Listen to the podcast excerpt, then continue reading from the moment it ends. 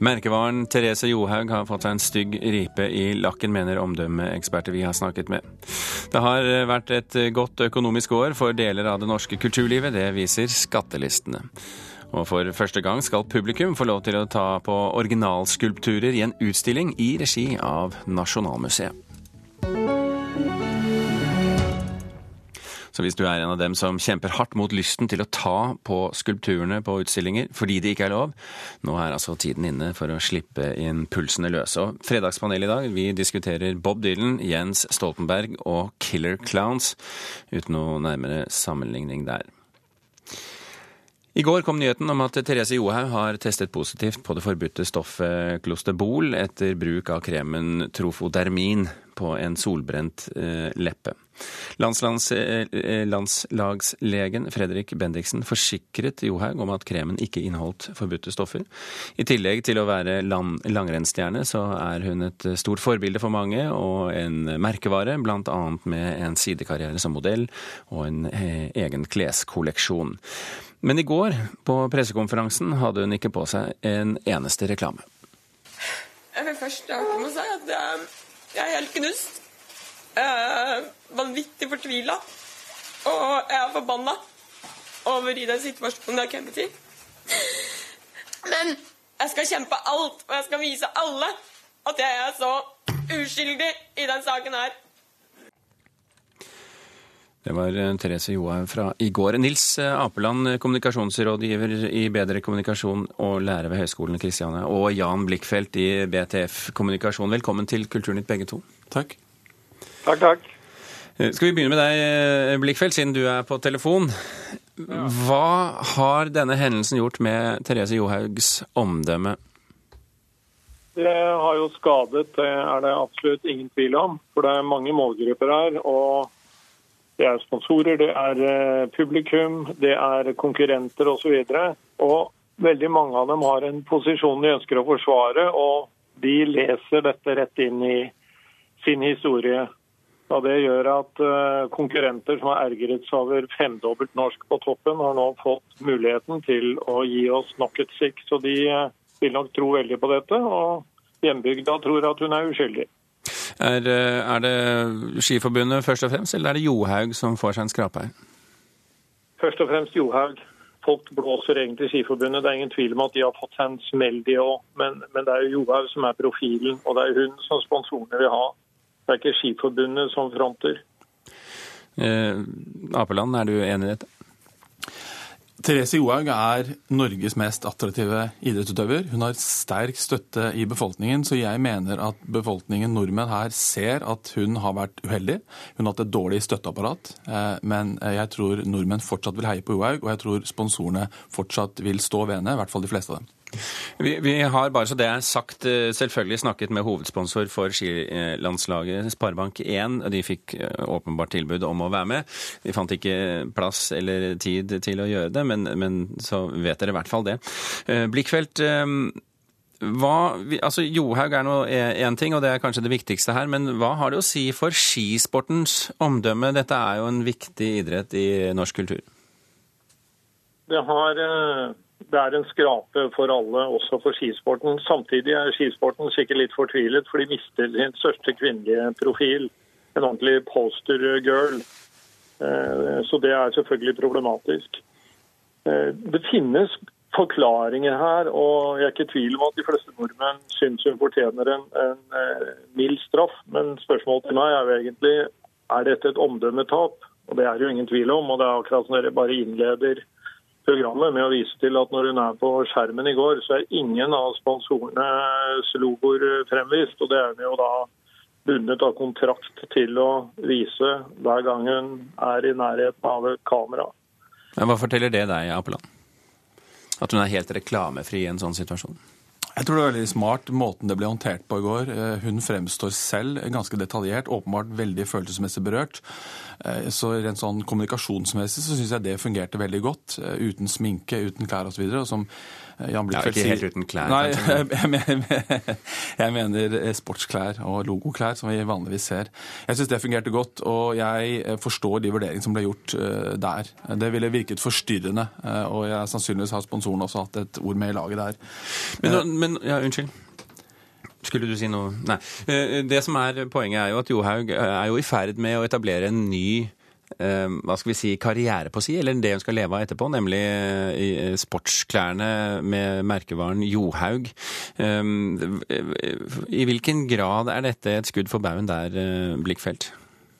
Det er et stort skudd for baugen, ingen tvil om det. Men nå er jo ikke siste ord sagt. Altså, Hva tenker vi om denne saken om fem år eller tre år? Eh, er hun da fremdeles en aktiv skiløper? Er dette blitt en, en mindre uh, viktig del av uh, hennes historie? Uh, så Per i dag er det helt klart et omdømmetap, og det kan gå skikkelig gærent det her. Men det kan også rette seg noenlunde. Jeg har lyst til å henvise også til Alberto Contador, som sykler og er store helten fra Spania.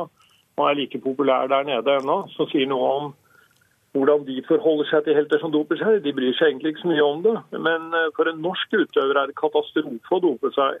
Mm. Og eh, bare det får meg til å tenke at det er jo lite sannsynlig at det ligger noe forsøk på juks bak her. Men reglene må være like for alle, og derfor må hun få en straff. Og den straffen kan nok uh, svi litt, rett og slett fordi vi må vise at vi er like strenge mot våre egne som vi forlanger at man skal være mot utlendinger en sånn situasjon som dette preges veldig mye av sånn synsing. Jeg tror det er litt viktig å se på forskning og praksis her også. Og praksis viser, både i næringslivet og også i idretten, at det går an for idrettsutøvere og ikke minst for bedrifter å komme hardt tilbake etter type sånn omdømmetap. Det har vi sett mange eksempler på i Norge og internasjonalt. Og som Blikkfeldt sier, siste ord er ikke sagt der. Så jeg tror at dette kommer til å svi selvfølgelig voldsomt for henne og for Skiforbundet og for eh, norsk skisport. Og vi får en alvorlig skrape. Jeg tror at Johaug kommer til å komme tilbake. Dette blir ikke glemt. Jeg tror det kan bli tilgitt. Litt avhengig av hva som dukker opp nå i de neste dagene.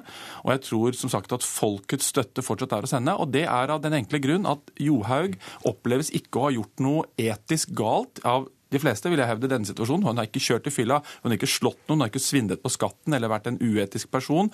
Hun har vært uheldig og hatt et støtteapparat som ikke har fulgt henne godt nok opp. Så hun betaler nå en dyr pris for det, men jeg tror hun kommer tilbake, og jeg tror også sponsorene kommer til å stå ved henne, slik hun har stått ved dem.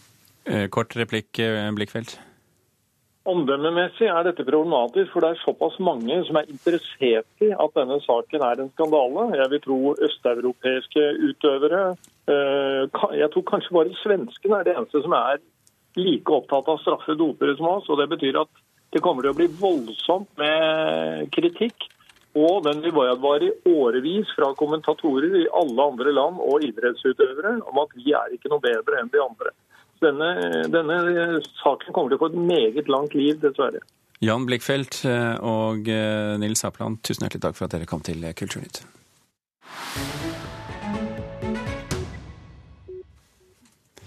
Så er vi kommet til eh, reporter Hanna Huglen Revheim.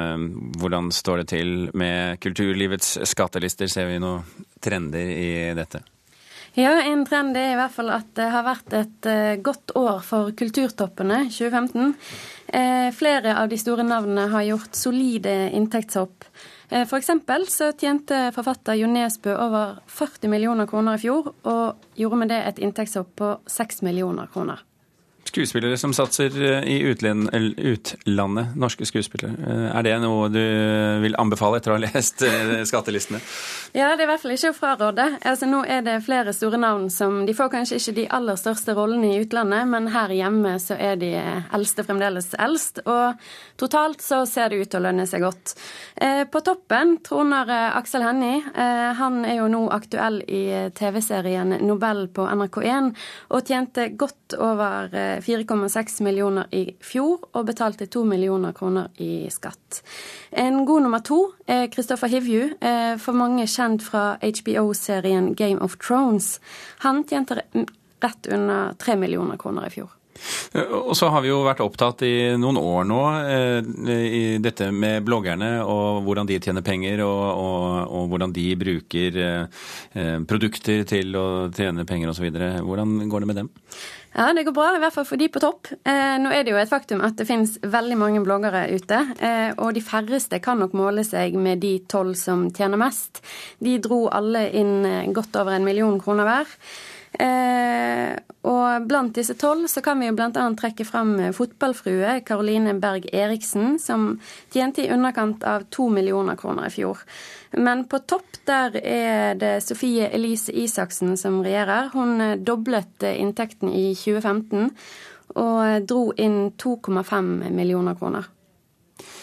Da eh, takker jeg så meget for eh, dette, eh, at du har lest skattelistene for oss, Hanna Høglen Remme.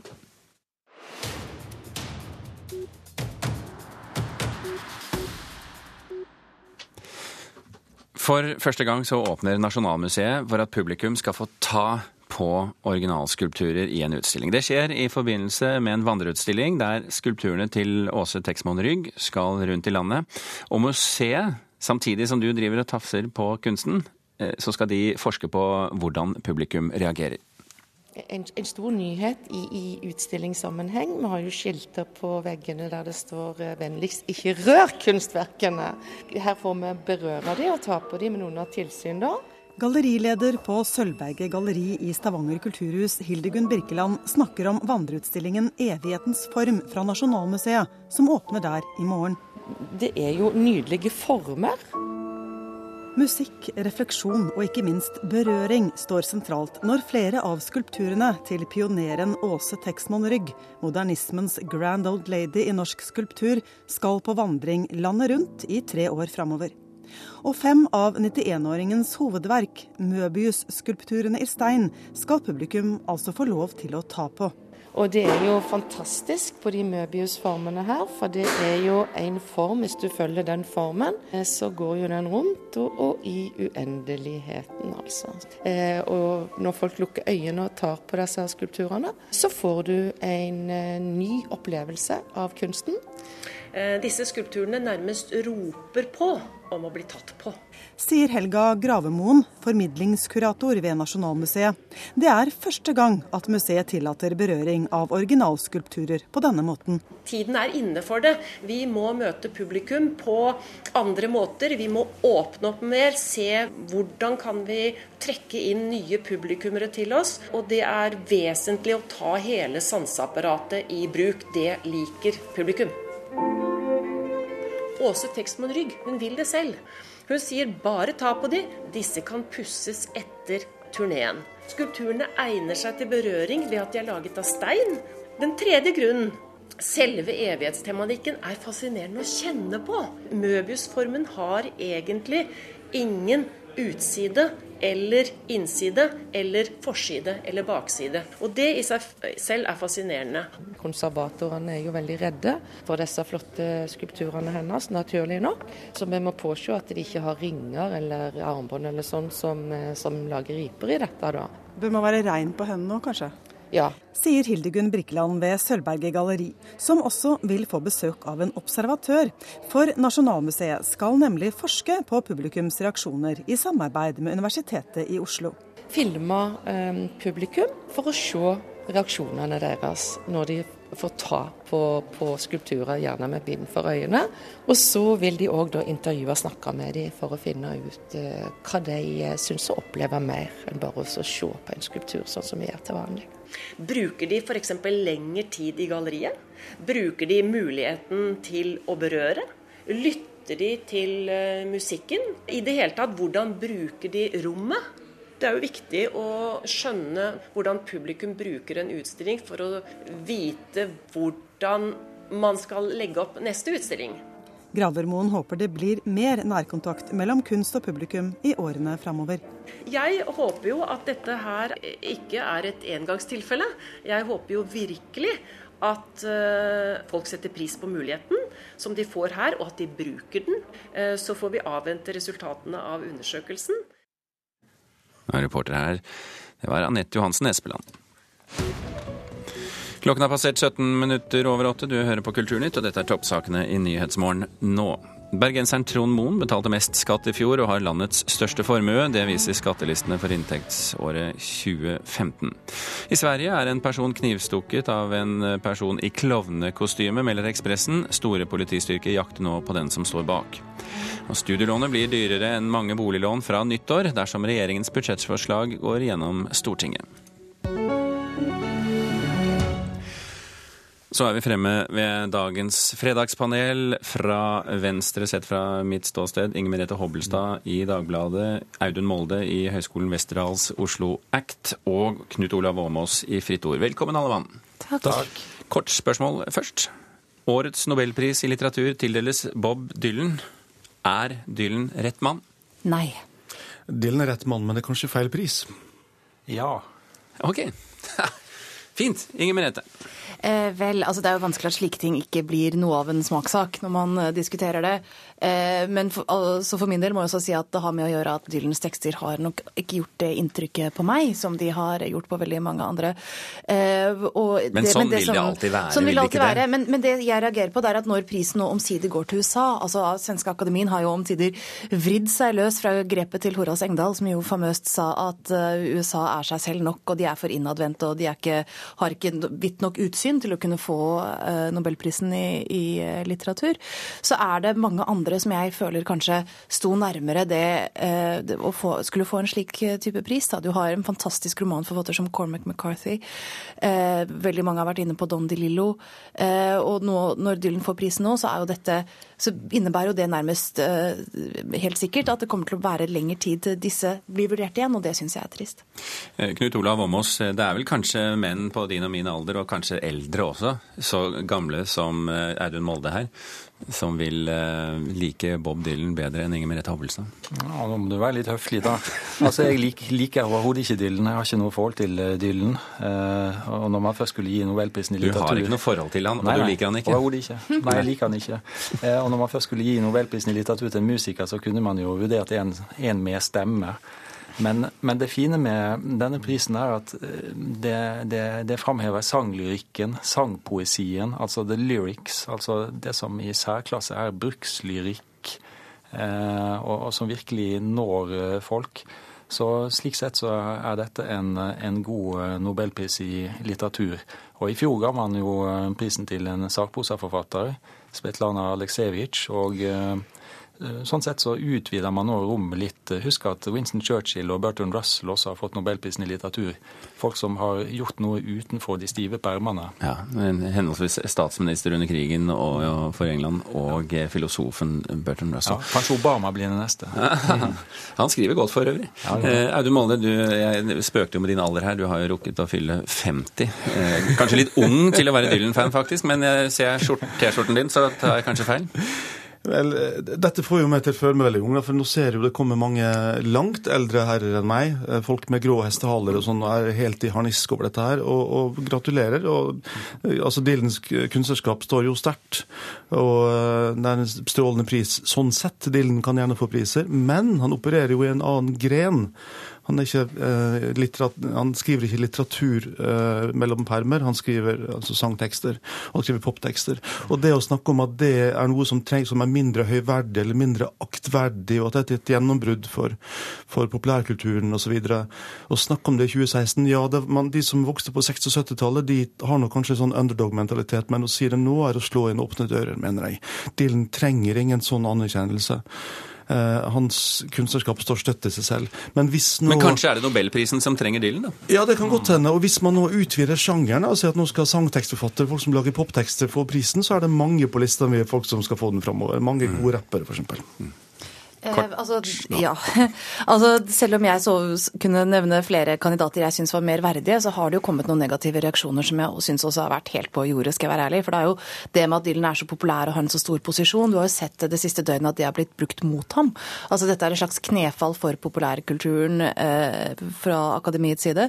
Og det blir jo for dumt. Altså, jeg er litt overrasket over at de holdningene finnes fremdeles. At hvis noe eh, når bredt ut, så skal det holdes mot det. Det er litt kjipt. Verden er mangfoldig, får vi si. Og prisen er også blitt kalt eh, populistisk nå, men det er så mye selvhøytidelige diskusjoner om litteratur både i dette landet og, og ellers. Det, det, fine med denne prisen er at det utvider det litterære begrepet. Og, og man skal ikke undervurdere i 2016 heller at det er enda flere, treng, enda flere som trenger å oppdage hvor, hvor viktig eh, disse røttene Lyrikken oppstår jo eh, til, til spill, til lyrespill. Så, så, dette er viktig i et langt perspektiv. Og Dylan er jo også en forfatter som står dypt i amerikansk litterær tradisjon, bare så det er sagt. La oss hoppe til neste spørsmål uten å skifte tema. Eh, tidligere statsminister Jens Stoltenberg forhandlet seg frem til en bedre avtale enn den såkalte normalkontrakten i bransjen. En normalkontrakt som er utformet som en solidarisk avtale forlaget og forfatter imellom. Spørsmålet vårt er, og vi kan begynne i den andre enden nå, var det usolidarisk av Stoltenberg? Åmås. Ja, det er mer komplisert enn solidaritet. Ja, du skal ha ja og nei-svar her. Jeg sier ja, da. Ja. Uh, ja eller nei? Om det var, var det usolidarisk, eller om det var usolidarisk? Eh, jeg husket ikke om du sa solidarisk eller usolidarisk. Eh, nei, mer av forlaget. Ja, Forklar hvorfor. Eh, på en måte så kan man eh, si at det er lov å prøve seg. Eh, men jeg syns at forlaget burde ha respekt for de avtalene som finnes, som er der av veldig veldig gode grunner. Nemlig at, eh, at en ukjent forfatter skal ha like gode vilkår som en suksessforfatter. Altså Allerede så blir det stor forskjell på dem, i og med at salgene er så forskjellige. Altså Jo Nesbø kan fremdeles tjene veldig masse penger på å selge mye bøker, også i Norge, selv om han også tjener, tjener penger på utlandet nå. Eh, og ukjente forfattere vil ikke sant, nødvendigvis tjene mindre, men på en måte at rammeverket rundt boken de gir ut, er, er likedan. Og jeg syns ikke det burde vært brutt av denne grunn. Det er, det er, gode grunner til at den er der. Men Åmås, vi har da forhandlingsrett og avtalefrihet i landet, har vi ikke det? Det, det har vi, og, og privilegerte forfattere greier å forhandle seg fram til eh, å få en solid research, hjelp, få en liten stab rundt seg på enkelte store prosjekter. Så, så det, er, eh, det, er, flere måter å, å skille mellom forfattere på. Eh, vi har eh, en veldig gjennomregulert bokøkonomi i Norge. Det litt morsomme er at Stoltenberg som statsminister, Hadia Tajik som kulturminister, var de som ville innføre bokloven for å gjøre det hele enda mer regulert. Så, og jeg hadde gleden av å være med på skrape bokloven høsten 2013. Så, så, sånn sett så er det spesielt uh, morsomt at det er akkurat Stoltenberg som eh, han, han, kunne heller søkt stipend fra NFF. Som statssekretær du snakker om nå, ikke sant? Ja, ja. ja. Mm. Molde, er, når, han kom jo med et forslag om boklov, og, det ble ikke noe av. Så kan han jo si ha-ha, da kan dere se, jeg forandrer meg til hva jeg vil. Jo, men hvis vi skal ha en sånn avtale, så bør jo den gjelde. Så kan man diskutere hvorvidt den eh, er god. da. Altså Hvis Inger Merete eller Knut Olav eller meg utgir en bok, så går jo 85-87 eh, av inntektene våre til forlaget og ikke til den som har skrevet boka. Eh, er det en riktig royalty-sats? Den er jo lav i forhold til til og med det platebransjen har, f.eks.